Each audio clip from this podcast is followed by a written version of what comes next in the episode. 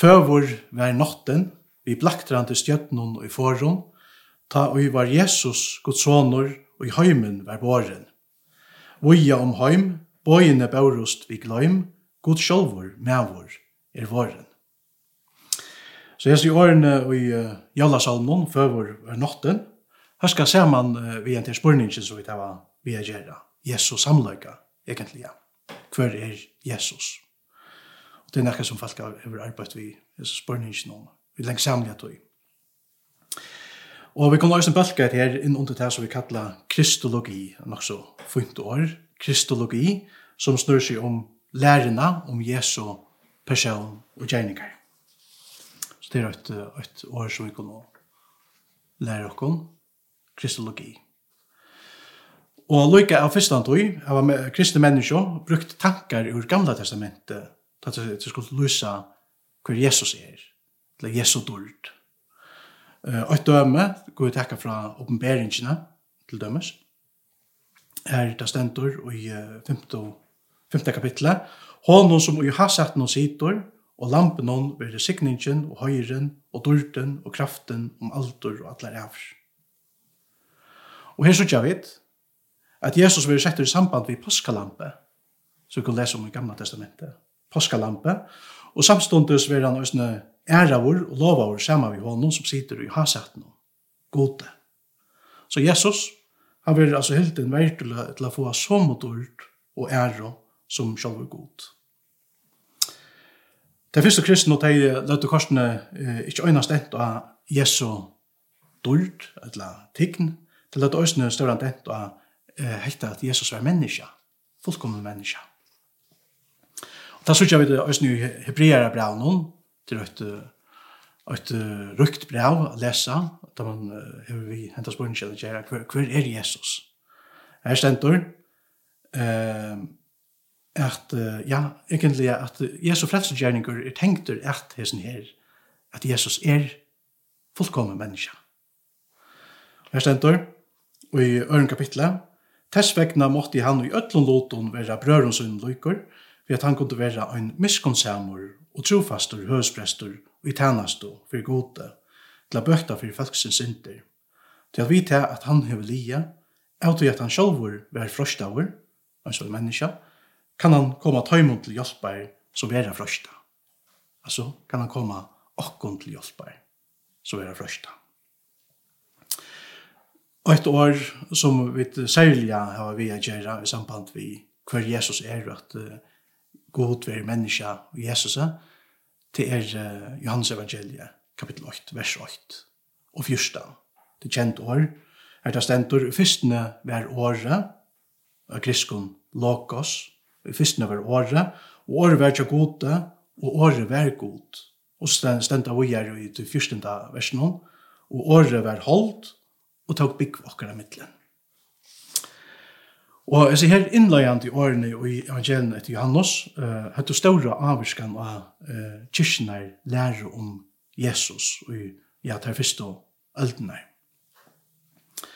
Ireneos, en kjentur biskoper i ære og øld, sluttes til dømes imot gnostisismene, som er i større avvirskan i hans samtøy.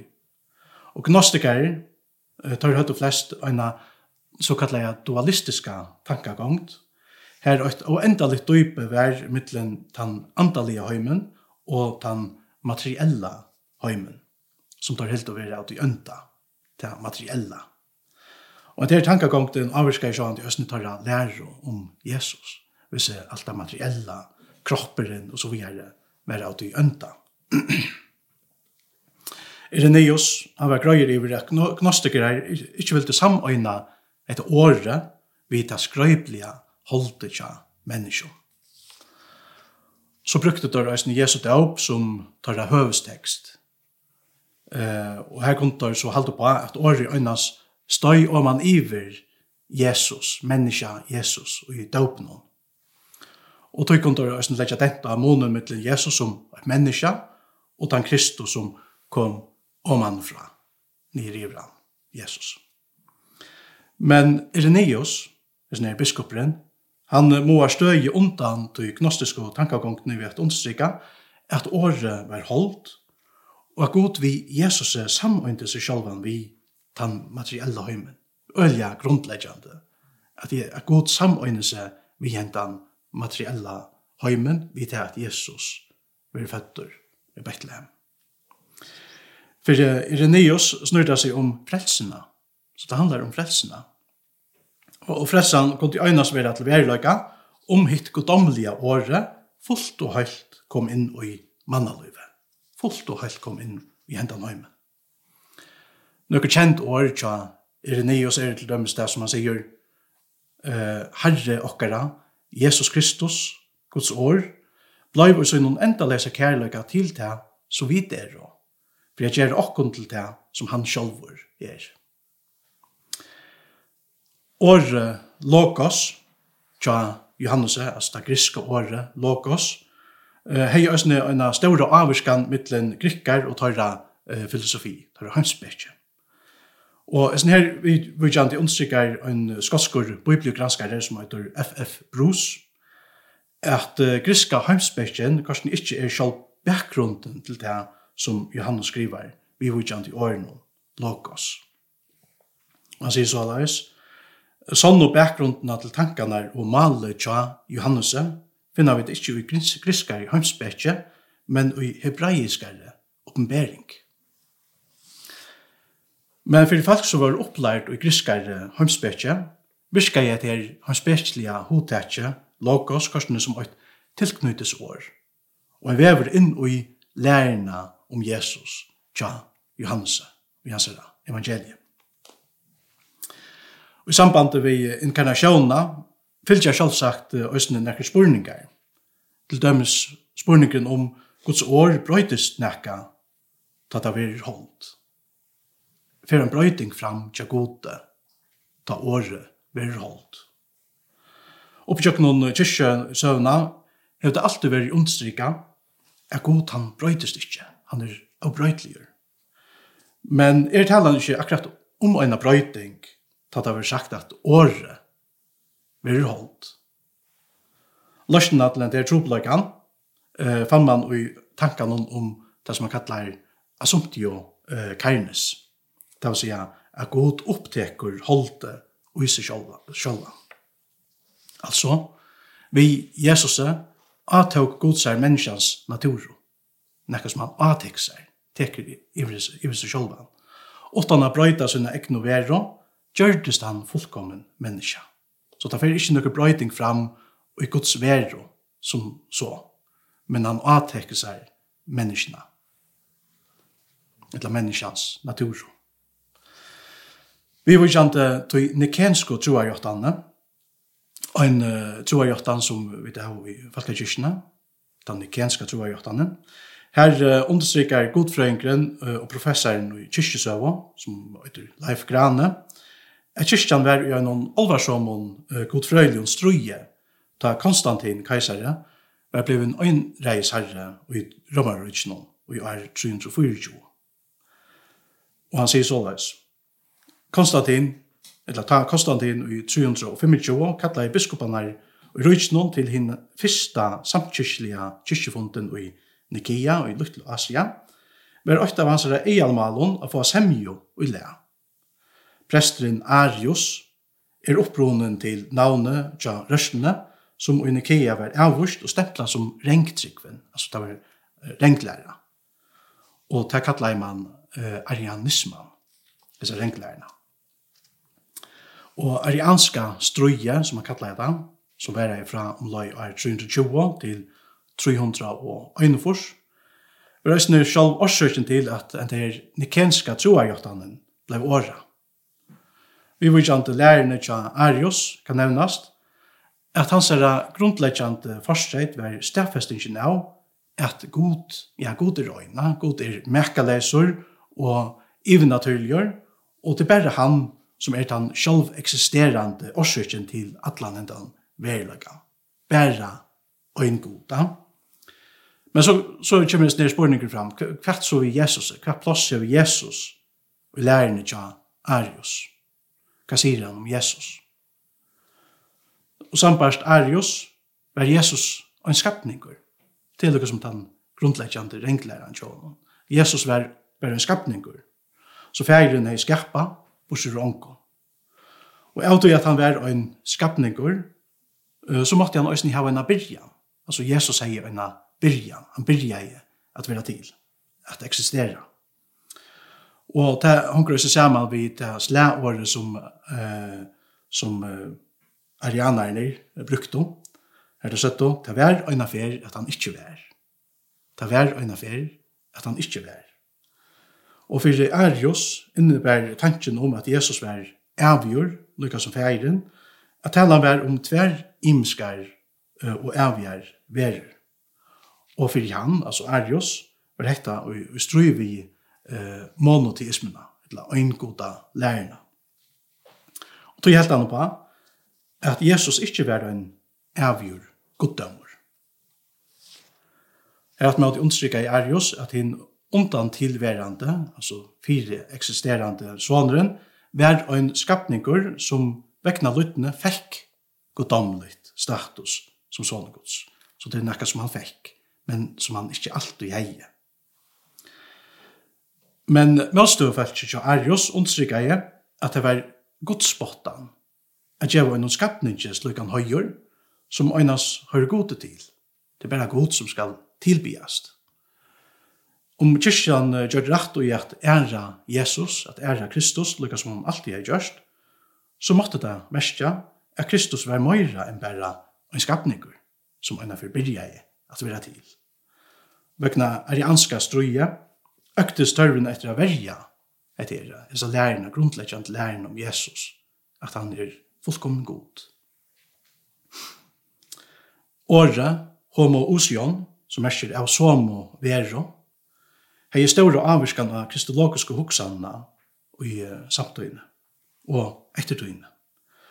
Åre sast og gjør seg nikensk og troajottan som, som er snakket om. Her det stendur, at vi tryggva av ein herra, Jesus Krist, Guds øynbarna son, som er føttur av fægir noen, fyrir opphav tøyerinnar. God av gode, jaus av jause, sannur god av sannun gode, føttur, ikkje skapa Av som og vero, her kjem det at det året, om osion. Av som og vero, som fægiren, vi alltid vil skapa. Så her blir det sagt nok så grøyt, at han er av som og vero, som færen. Så jeg kan enda takke etter året i Johans evangelium 8, vers 8 og 14. Vi fyrstene var året, og året var så gode, og året var god, og året var holdt og tok bygg for okkara middelen. Sambarst Luther er snir teksten han som mest tydelige understrykker Jesu goddag. Og han legger oss en dette at bådskaperen er særlig grundaver i et av første Mosebok, det første årene, i første kapitlet, i første Mosebok. Altså skapene frasøkene er det stendur, og i første skapa i god, himmelen og hjørna. Og Johannes innløyer evangeliet ikke sær, av lukknant til alt. Det hoksa man på en av veien om da man leser de første årene i Johannes evangeliet. Er det stendur, i fyrstene var året. Og vi vi kjente jeg sånn her åren om, ondstrykker lutter at talan to ikke kan være om nekka som er byrja at være til. Her at måte talan om et avia åre til gode. Vi fyrstene var åre, og åre var til gode, og åre var god. Og så slags sutja vidt, at Johannes i verløykan og innløyer gledebåskapen om Jesus og i avløykan Tja gode og æren skapan heimsins. Så han fyrir nokkur skritt aftur, for aftur til byrjan. Men hva tog seg Johannes uverlagan om om, da han sier til året? Hvor brukar han ikke bare navnet Jesus, hvor sier han året? Omfram tankan om god og anlagan om, er en skapanarverskje, hoksar Johannes òsni om skapanarmeina og i Guds året.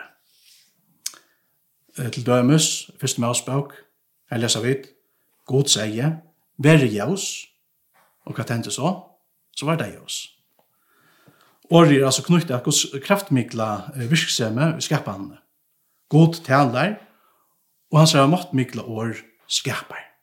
Så god skapar visen året. Uh, til dem som i Salme uh, 33, vers 90, her stendur, tog at han taleie, altså god taleie, og så verta.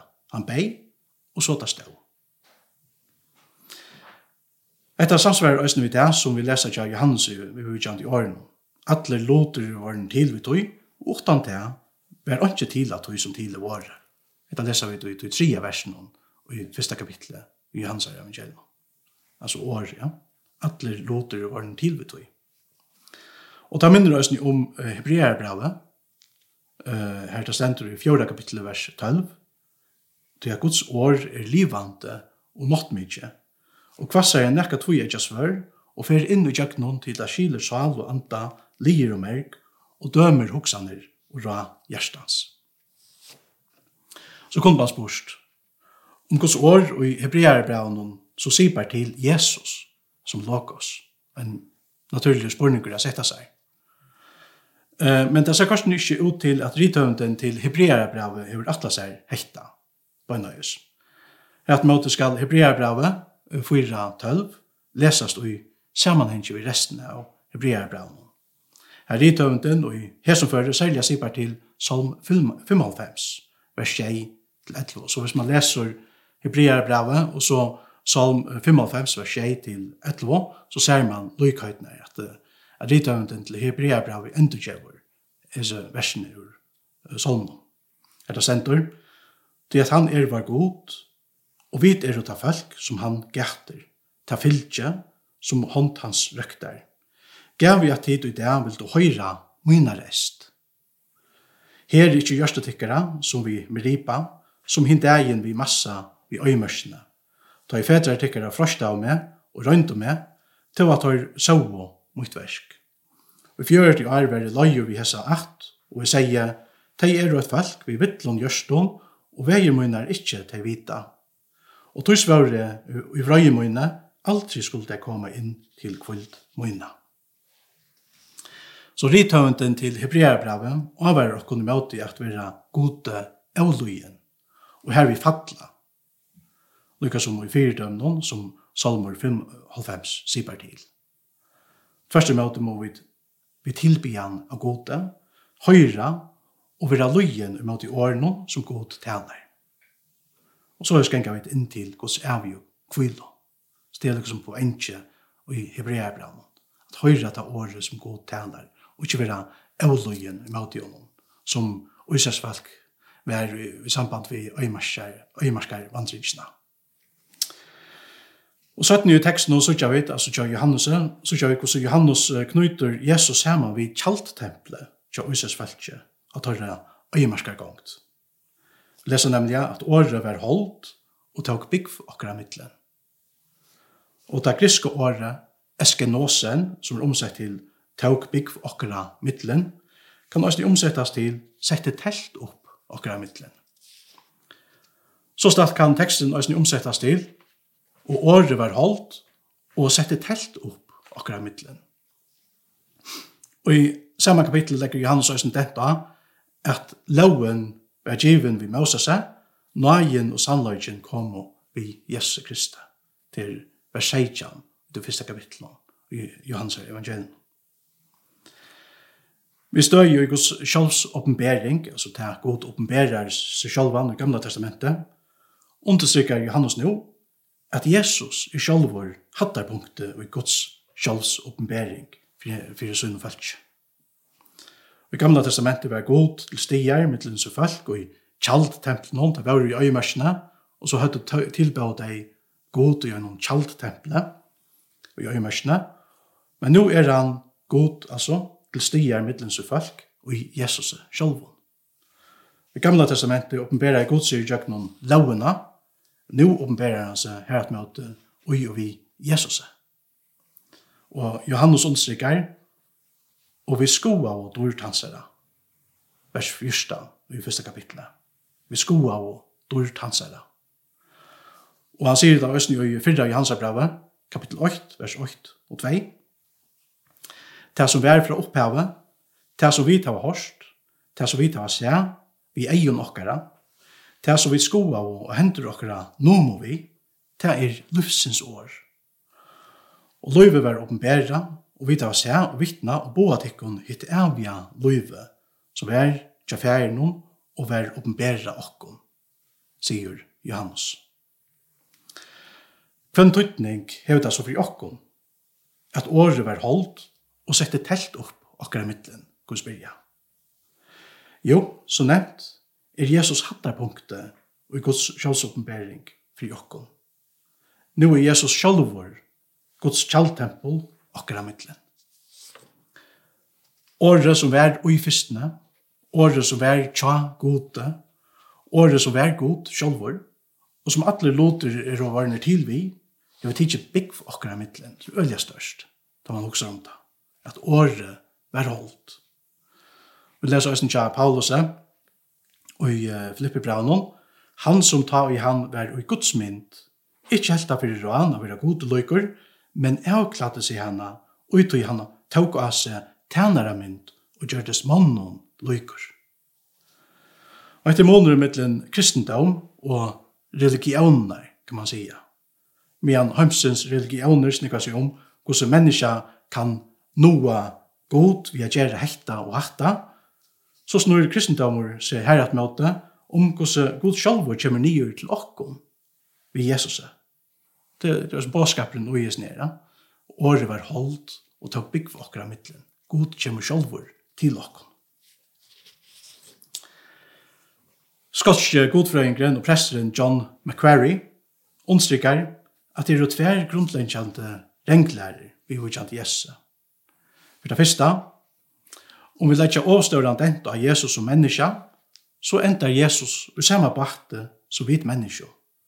Og så kan han ikke fretse oss og for det neste, om vi da hinner så inne gjøre månen mellom han og okkon vanlige mennesker og ståra, så kvekta vi sambandet mellom han og okkon mennesker. Og ta kunne vi ikke ha nekka frelsande samband vi Jesus. Det kan også løsast vi eh, superhetsnån, som vi kjenner så vel i det. Jesus han er til dømes ikke lukka som Superman. Superman kommer jo fra planetene Krypton, og er så statt 100% krypton byggve. Og har ongan hatt menneska i røver. Jesus han er her at møte ikke bare fullkommen god, men òsne fullkommen menneska. Fullkommen god og fullkommen menneska. Jesus han er heller ikke lykka som Batman. Batman er jo bare et menneska som hever en smarsta drakt og en smarstan bil. Her at møte Jesus Ikke bare et menneske, men som sagt, bare god og menneske. Fullkommen god og fullkommen menneske. Og Jesus han er ikke lukket som Spiderman. Spiderman er en samanblanding av bare en menneske og en øydekoppe. Han er ikke fullkommen menneske, og heller ikke fullkommen øydekopper. Så er det allikevel ikke ved Jesus. Han er ikke en samanblanding av gode og en menneske. Men som sagt, fullkommen god og fullkommen menneske. Og så tenkte Jesus han er helt ikke lykka som hulk. DNA er ikke mannen, Bruce Banner, vi er brøtt vekna gamma gorsling, så er det at han vil ombrøtter til hin grøna, ståra og sterska hulk, ta han blir over. Så man skal ikke gjøre hulk-øvan.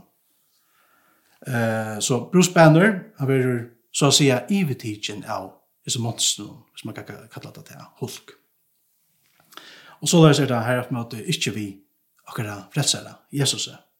Jesu goddamor eh, vil ikke ivetidgen av Jesu menneskeskapet. Tvärst emot er det boar naturen av Jesu fullkomnar og i øynene personer. Og samme som hei, så vidt, fikk Jesus eisen lot og i halte, blåe, ho og har. Hvor, hvor er alt dette lika med? Hvor skal ta vi? Hvor skal kjøtt og Jo, for jeg freds okken måtte han i øtten låten være brøren som noen lykker, for at han kunne være en miskunnsammer og trofastor høsprester og i tjeneste for gode til å bøkta for folksens synder, leser vi, og i Hebreerbrann, kapittel 2. Og dette kunne han ikke gjørst om han var som Superman, Batman Spiderman etla Hulk. Etta kundi han øynast gjerra, som tann som Jesus verja er. Fullkommen god og fullkommen menneska. 100% god og 100% menneska. Vekna hetta er godgjørtes menneska og i Jesus Kristi. Vekna Jesu krossfesting og deia. Og vekna hans likamlige opprørst fra deion kunne vi nå vi treste jotta at vi trykker av fyrigjeving syndana. Opprøst likamses, og sånn til at god gjørtes menneska, året var holdt, så vi trykker av opprøst likamses, og lov om alder og æver. Det kunne vi gjøre vi treste. Og jotta vi treste, så som vi gjør i apostolsko, tjoa jotta. Fretsan hon er vunnen, til at Jesus han var lykker okkon og i øtlån låton. Ikke bare nøkron, men øtlån. Han avtøk seg okkara holdt og blå, for så å sige løy okkon vi ho og har, tjøknon, deia og grøv. Pressan, som herren er vunni okkon, er så stakt ikkje øyna skaldande for okkara sval, okkurst andalit og en andi her ute i rymden i okkstanes, men òsne for okkara likam. Vi tryggva opprøst likamsins. Det er fantastisk. Jesus bær allar okkara synder oppa krossen og vann okkon evja fredso, viser noen ekna blåe. Og lukka som han røys likamlig opp fra deion, så skulle vi òsne røys opp til ta løyve saman med gode som han atla i okkon fra fyrstantøy. Og etter kunne vi òsne lese om i uh, måte i endan av biblene og i oppenberingsene, her det stendur og i kapittel 21, Så i kjaldbjørgods, her kommer telt i atera, kjalde.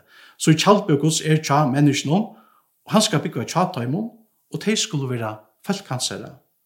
Og god sjolvor skal være tja taimon, han skal torska kvart tare av egen tare, og deien skal ikke langt være til, ikke heldur sorg, ikke heldur skrutsk, ikke heldur punsla skal langt være til, til at ditt fyrra er færre.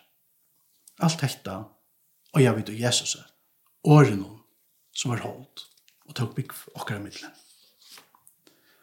Så om Jesus ikkje var fullkommen menneska, lykker okkon i ötlun loton, om han ikkje avtok seg holdt ikkje okkon menneskjon, da er hente her syndafallene mannatten veri avrørd, så å sige, av hans herre frelso, hans herre frelso og gjerning. Han er veri avrørd. Men Jesus han kommer og han, han rører okkona, han kommer inn i en til heimen, og verur holdt. Han atøk seg holdt ikke okkon, for at endeløs okkon til fullnær. Sånne gods, kan man sija, sånne gods, gjørtest manna baden, så vi kunne gjerast gods baden. Det kunne vi takka og lova god til fyra. Sånne gods, gjørtest manna baden, så vi kunne gjerast gods baden.